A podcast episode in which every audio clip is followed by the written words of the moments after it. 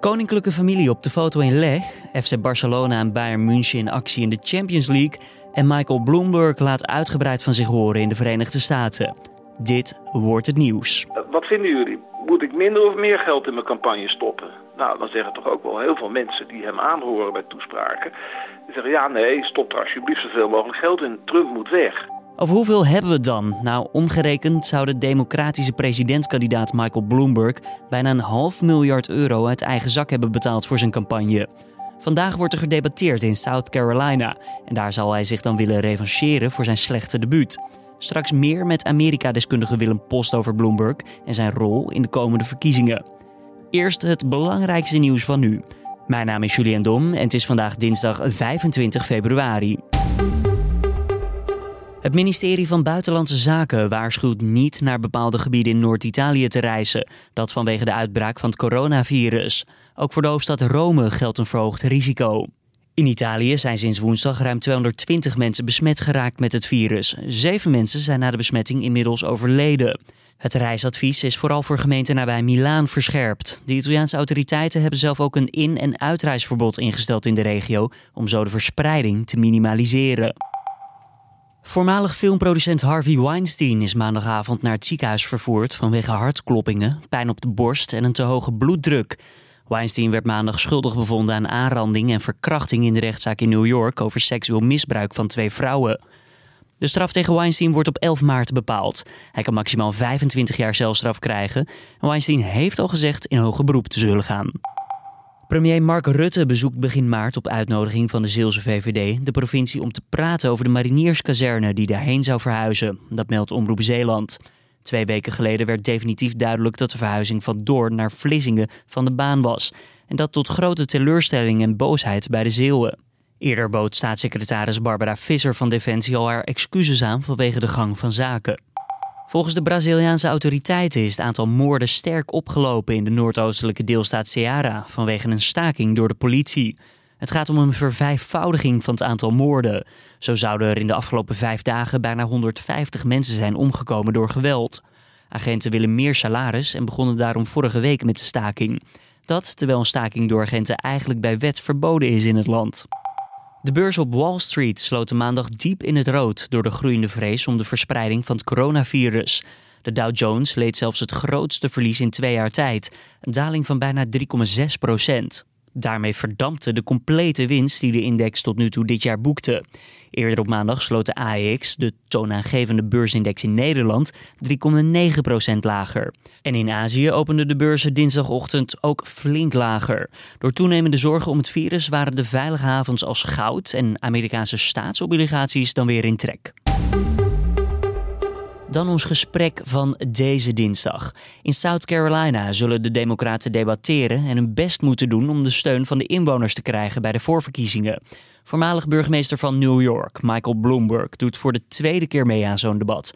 Hij zal deze keer stevig in zijn schoenen moeten staan, want de vorige keer in Nevada werden er rake klappen uitgedeeld in zijn richting. I'd like to talk about who we're running against. A billionaire who calls women fat broads and horse faced lesbians. And no, I'm not talking about Donald Trump. I'm talking about Mayor Bloomberg. I don't think you look at Donald Trump and say, we need someone richer in the White House. Mr. Bloomberg had policies in New York City of stop and frisk which went after African American and Latino people in an outrageous way. I can't speak for all billionaires. All I know is I've been very lucky, made a lot of money, and I'm giving it all away to make this country better. And a good chunk of it goes to the Democratic Party as well. Nou, kan je nagaan? Dit was nog maar een klein stukje van wat zich daar afspeelde. Nu dus een nieuwe ronde en dat betekent ook nieuwe kansen. Collega Carne van der Brink sprak maandagavond over Bloomberg met Amerika-deskundige Willem Post. En vroeg hoe je Bloomberg nou het beste kan omschrijven. Nou, Michael Bloomberg is een van de rijkste mensen ter wereld. Zijn vermogen wordt wel geschat op, uh, op, een, uh, op een kleine, tussen aanhalingstekens, 63 miljard dollar. Ja, om een vergelijking te trekken.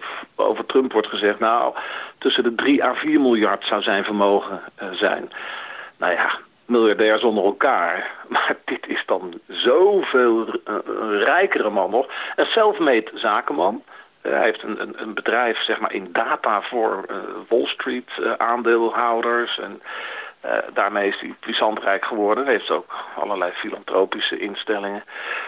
Bloomberg Philanthropies. En daarna werd hij burgemeester van New York. Dus het is en een zakenman en, zoals Bloomberg zelf zegt, ja, ik ben eigenlijk de enige echte bestuurder. Ik was de nummer één in New York. Ja, Joe Biden is vicepresident geweest, maar daar was Obama de baas. En ik over zo'n belangrijke stad als New York. Twaalf jaar lang maar liefst.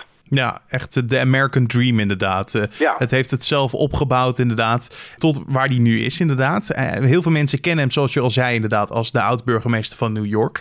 Kreeg hij toen als burgemeester veel respect uh, om zijn diensten of juist veel tegengas? Nou, hij heeft toch wel heel veel waardering geoogst. Het was een moeilijke tijd. Nog net na 9-11 in 2001, de aanslagen op het World Trade Center. Eh, Rudy Giuliani was een hele succesvolle burgemeester volgens veel New Yorkers. Zero tolerance politiek. Er was zware misdaad in de Bronx, in Harlem, andere delen van New York. Giuliani heeft er veel aan gedaan. Maar Bloomberg heeft dat voortgezet. Dus dat dwong wel respect af. En ook de welvaart van de stad en de wederopbouw. Maar er is ook wel een donkere kant en dat is het eh, stop en frisk. Wat nu een gevleugelde term ook is in de campagne hè, bij, de, andere kandidaten die Bloomberg dat ook aanwrijven. Van nou ja, oké, de misdaad is wel heel erg gedaald. Maar dat betekende wel dat om de havenklap zwarte mensen werden gefouilleerd, staande gehouden, heel vernederend, soms een paar keer per week. Hè, overkwam je dat dan. Ja, en, en dat is wel echt uh, een, een, een, negatief iets waar Bloomberg zijn excuses voor heeft aangeboden. Maar ja, het is wel een beetje laat. Ik moet, moet wel bijzeggen dat ik in Harlem, net terug uit New York, uit New Hampshire, eh, beide uh, bezocht. En als je dan met de mensen in Harlem praat, ik was bij het Bloomberg kantoor daar, zeggen zwarte mensen daar ook van nee, dat was heel erg vernederend. Maar ja, het was ook wel heel erg hier. Met bendes, hè, heel veel criminaliteit, wapens, drugs. En kijk nu eens om je heen. Het ziet er heel veel beter uit in Harlem. En ook in de Bronx, wat heel erg weer opkomt. Dus, nou ja, ze blijven zeggen, het was vernederend, maar hij heeft zijn excuses aangeboden. Uh, maar het heeft ook wel geholpen, die harde uh, anti-misdaadpolitiek uh, van ja, Bloomberg, die daar toch verantwoordelijk voor was. Ja, en zulke misstappen blijven toch aan je kleven. Zeker als je een gooi wil doen naar de, machtigste baan in Amerika. Want waarom denk je dat hij die ambitie nu nog heeft? Ja, nou je kunt ook zeggen macht, hè, die, die je toch hebt als je zoveel geld hebt, als je burgemeester bent geweest. Uh, dat kun je ook wel zien dat je een verschil kunt maken. Want ja, vergis je niet, hè, Bloomberg heeft niet alleen het afgelopen jaar, maar al heel veel jaren heel veel geld gestopt in ook de zwarte binnensteden van heel veel steden. Hij krijgt ook veel steun van burgemeesters, hè, van San Francisco, Miami, eh, noem het maar op. Uh, hij heeft heel veel gestopt in, in uh, uh, medische instellingen kankerinstituten bijvoorbeeld. En dan niet één keer, maar gewoon eh, constant, structureel. Hij is eigenlijk ook binnen de Democratische Partij de nummer één donor. Hè? Dus heel veel congresleden ja, hebben heel veel aan Bloomberg te danken. Dat vinden wij Nederlanders natuurlijk een beetje raar. We hebben een heel ander systeem. Hè? Als bij ons een van de politieke partijen een paar duizend euro uitgeeft... Hè, dan schreeuwen we al gauw moord en brand. Ja, Amerika is natuurlijk kapitalistisch land. Ja, geld stinkt niet. Hè? En natuurlijk, presidentschap kopen, ja, dat is wel een brug te ver. Dat vinden ook veel Amerikanen, dat kan niet. Maar geld in je campagne stoppen, als je het zelf verdiend hebt... Ja, daar hebben Amerikanen niet zoveel moeite mee. En ja, ik heb nieuws voor je. Uh, Bloomberg zou nu net de afgelopen uren de 500 miljoen dollar gepasseerd zijn. Nou, dat is een ongekend hoog bedrag. Dat is 10, 20 keer zoveel als, als de andere kandidaten. Dus hij gebruikt zijn geld. Want inderdaad, zijn grootste achterban, dat is hij zelf eigenlijk. Zijn grootste supporter is hij zelf. Als je het hebt over hoeveel die investeert in zijn eigen campagne. Eh, je zei al inderdaad, uh, half miljard aan eigen geld in zijn eigen campagne hebben gestopt. 45 miljoen dollar hebben betaald aan Facebook-advertenties. Je zei al, dit is, dit is ongekend. Hè? Dit kunnen we niet vergelijken met andere presidenten. Nee, dit is echt, eh, dit is echt heel bijzonder. Als je nou weet, bijvoorbeeld in Californië, daar een hele belangrijke staat. Ja, daar uh, en die, die, is volgende week dinsdag aan de beurt, hè, op Super Tuesday, als ook uh, 13 andere staten gaan stemmen. En nou ja, Bloomberg heeft daar zo'n 500 uh, digital top experts aangetrokken. En die krijgen ook een flink maandsalaris ja, om, om social media te bewerken, als een soort van influencers. Ja, en weet je, Bloomberg is er ook wel naar gevraagd. Van, ja, is dit nu de manier om president van Amerika te worden? Want ja, is wel heel veel geld wat hij erin stopt. En eigenlijk is het standaard antwoord van Bloomberg... ja, meer dan 60% van de democraten vindt het belangrijker dat Trump weggaat... zelfs dan de onderwerpen waar ze zich voor interesseren. Hè? Dat is de overheersende gedachte. Trump moet weg. Nou, eh, wat vinden jullie? Moet ik minder of meer geld in mijn campagne stoppen? Nou, dan zeggen toch ook wel heel veel mensen die hem aanhoren bij toespraken. Die zeggen, ja nee, stop er alsjeblieft zoveel mogelijk geld in. Trump moet weg. Dus dat is wel een hele simpele redenatie. En nogmaals, je kunt natuurlijk niet met, met geld uh, direct het presidentschap kopen. Maar geld helpt in een land waar, wat zo groot is. En waar je ook in Amerika de tv aan zet. Ik zag het zelf ook in New Hampshire, waar Bloomberg nog even niet meedeed. Hè, twee weken geleden ja, s'morgens was het Bloomberg all over the place. Nou, het helpt een beetje. Ja, hij investeert dus heel veel in zijn eigen boodschap. Alleen die boodschap is vrij progressief, toch? Ja, wat hij, wat hij heel duidelijk doet is zich profileren als ja, iemand die heel erg opkomt voor het milieu. En weet je, dat zeggen heel veel politici. Maar echt, als je hem bestudeert, dan moet je zeggen dat hij tien jaar geleden al een aanvoerder was, een van de aanvoerders in de strijd voor het schoon milieu. Hij is een van de grote mensen geweest die ook tegen de, de kolenmijnen was hè, en, en allerlei vervuilende uh, centrales, die daar heel erg progressief in was. En ook het wapenbezit. Bloomberg heeft daar een heel groot punt van gemaakt. Ja, en dat niet alleen. Hij heeft ook heel veel geld gestopt in allerlei campagnes hè, tegen dat wapenbezit. Dus dat is voor progressieve democraten misschien toch een reden om eens te denken van... Nou ja, Bernie Sanders, oké, dat is een linkse democraat. Maar Bloomberg die kan op deze punten er ook wat van. Maar gematigde republikeinen, die ook iets willen doen aan het wapengeweld... en nou ja, voor een schone milieu zijn... die kunnen ook bedenken van ja, Bloomberg, topzakenman... had een sluitende begroting in New York, hard tegen de misdaad... Dus dan zou die op die manier natuurlijk een beetje kunnen binden.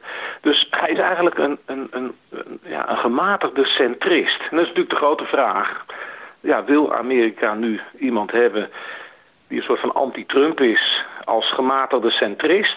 Ja, of is het toch Bernie Sanders die helemaal aan de linkerzijde het establishment wil vermorzelen.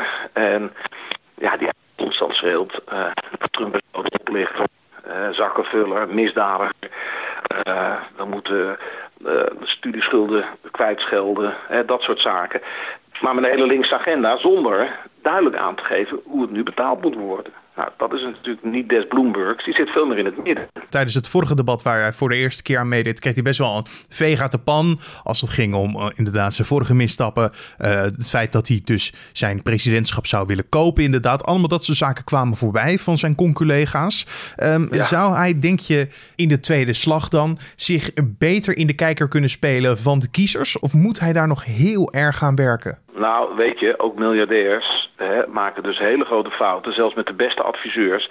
Want het afgelopen debat, nou zijn eerste debat waar hij mee mocht doen, hè, vorige week, was één grote afgang. Het was echt frozen Mike. Hij kon geen goede antwoorden geven.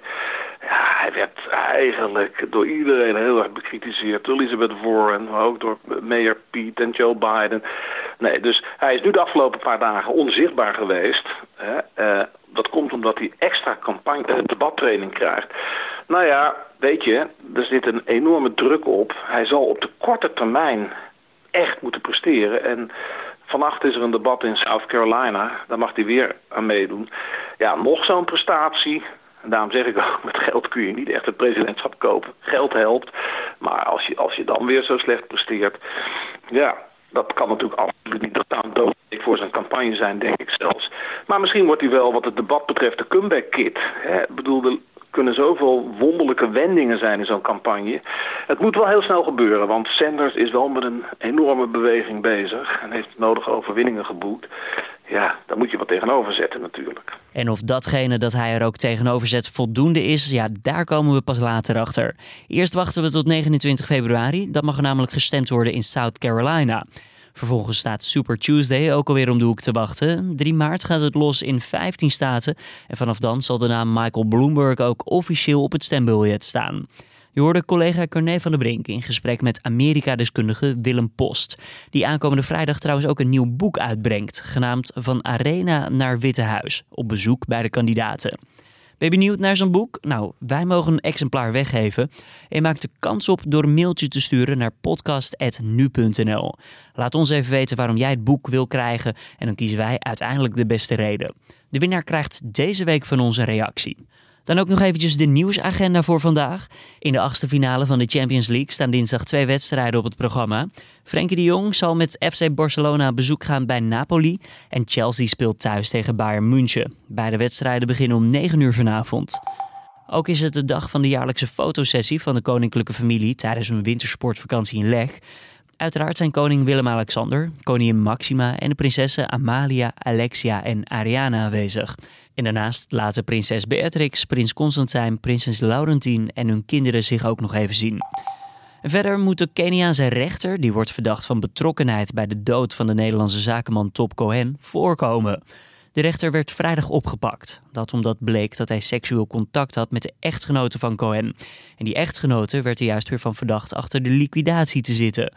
Het lichaam van de ex-topman van Philips werd in september 2019 gevonden in de Keniaanse hoofdstad Nairobi. En Cohen werd toen al ruime tijd vermist. Dan het weer deze dinsdag. De dag die begint met stapelwolken, afgewisseld wel nog af en toe met wat zon. In de middag en avond kunnen er vervolgens enkele buien vallen. Bij die buien kan ook nog wat hagel voorkomen en op sommige plaatsen ontstaat er ook wat onweer. De maximumtemperatuur die ligt rond de 8 graden en er waait een matige tot harde zuidwestenwind. Dan ook nog eventjes alvast een waarschuwing voor de nacht naar woensdag toe. Dan is er namelijk wat winterse neerslag mogelijk met natte sneeuw en dat betekent kans op gladheid. Dus mocht je komende nacht nog de weg op moeten, doe voorzichtig aan, dan weet je het alvast. En dan sluiten we af met het Openbaar Ministerie. Die heeft namelijk maandag een werkstraf van 120 uur geëist tegen Alberto Stegeman. De presentator die plaatste voor het programma Undercover in Nederland een cover die werd aangemerkt als nepbom. Dat gebeurde in een militaire kazerne. Stegeman werd gisteravond vervolgens uitgenodigd bij RTL Boulevard om te spreken over wat zich had voorgedaan.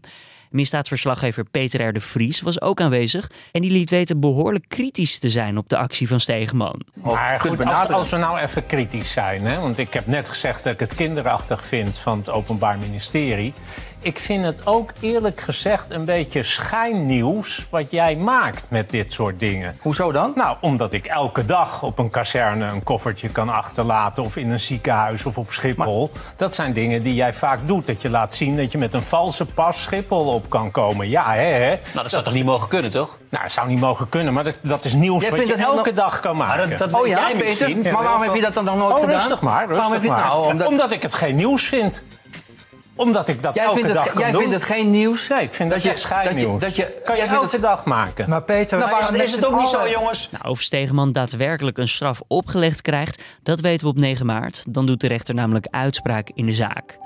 Dit was dan de Dit wordt het nieuws ochtendpodcast van deze dinsdag 25 februari. Tips of feedback zijn altijd welkom. Laat het weten via podcast.nu.nl. En mocht je nou dat boek van Willem Post willen winnen, laat het ons dan ook eventjes weten via podcast.nu.nl. Mijn naam is Julian Dom. Ik wens je voor nu een hele fijne dinsdag en tot morgen weer.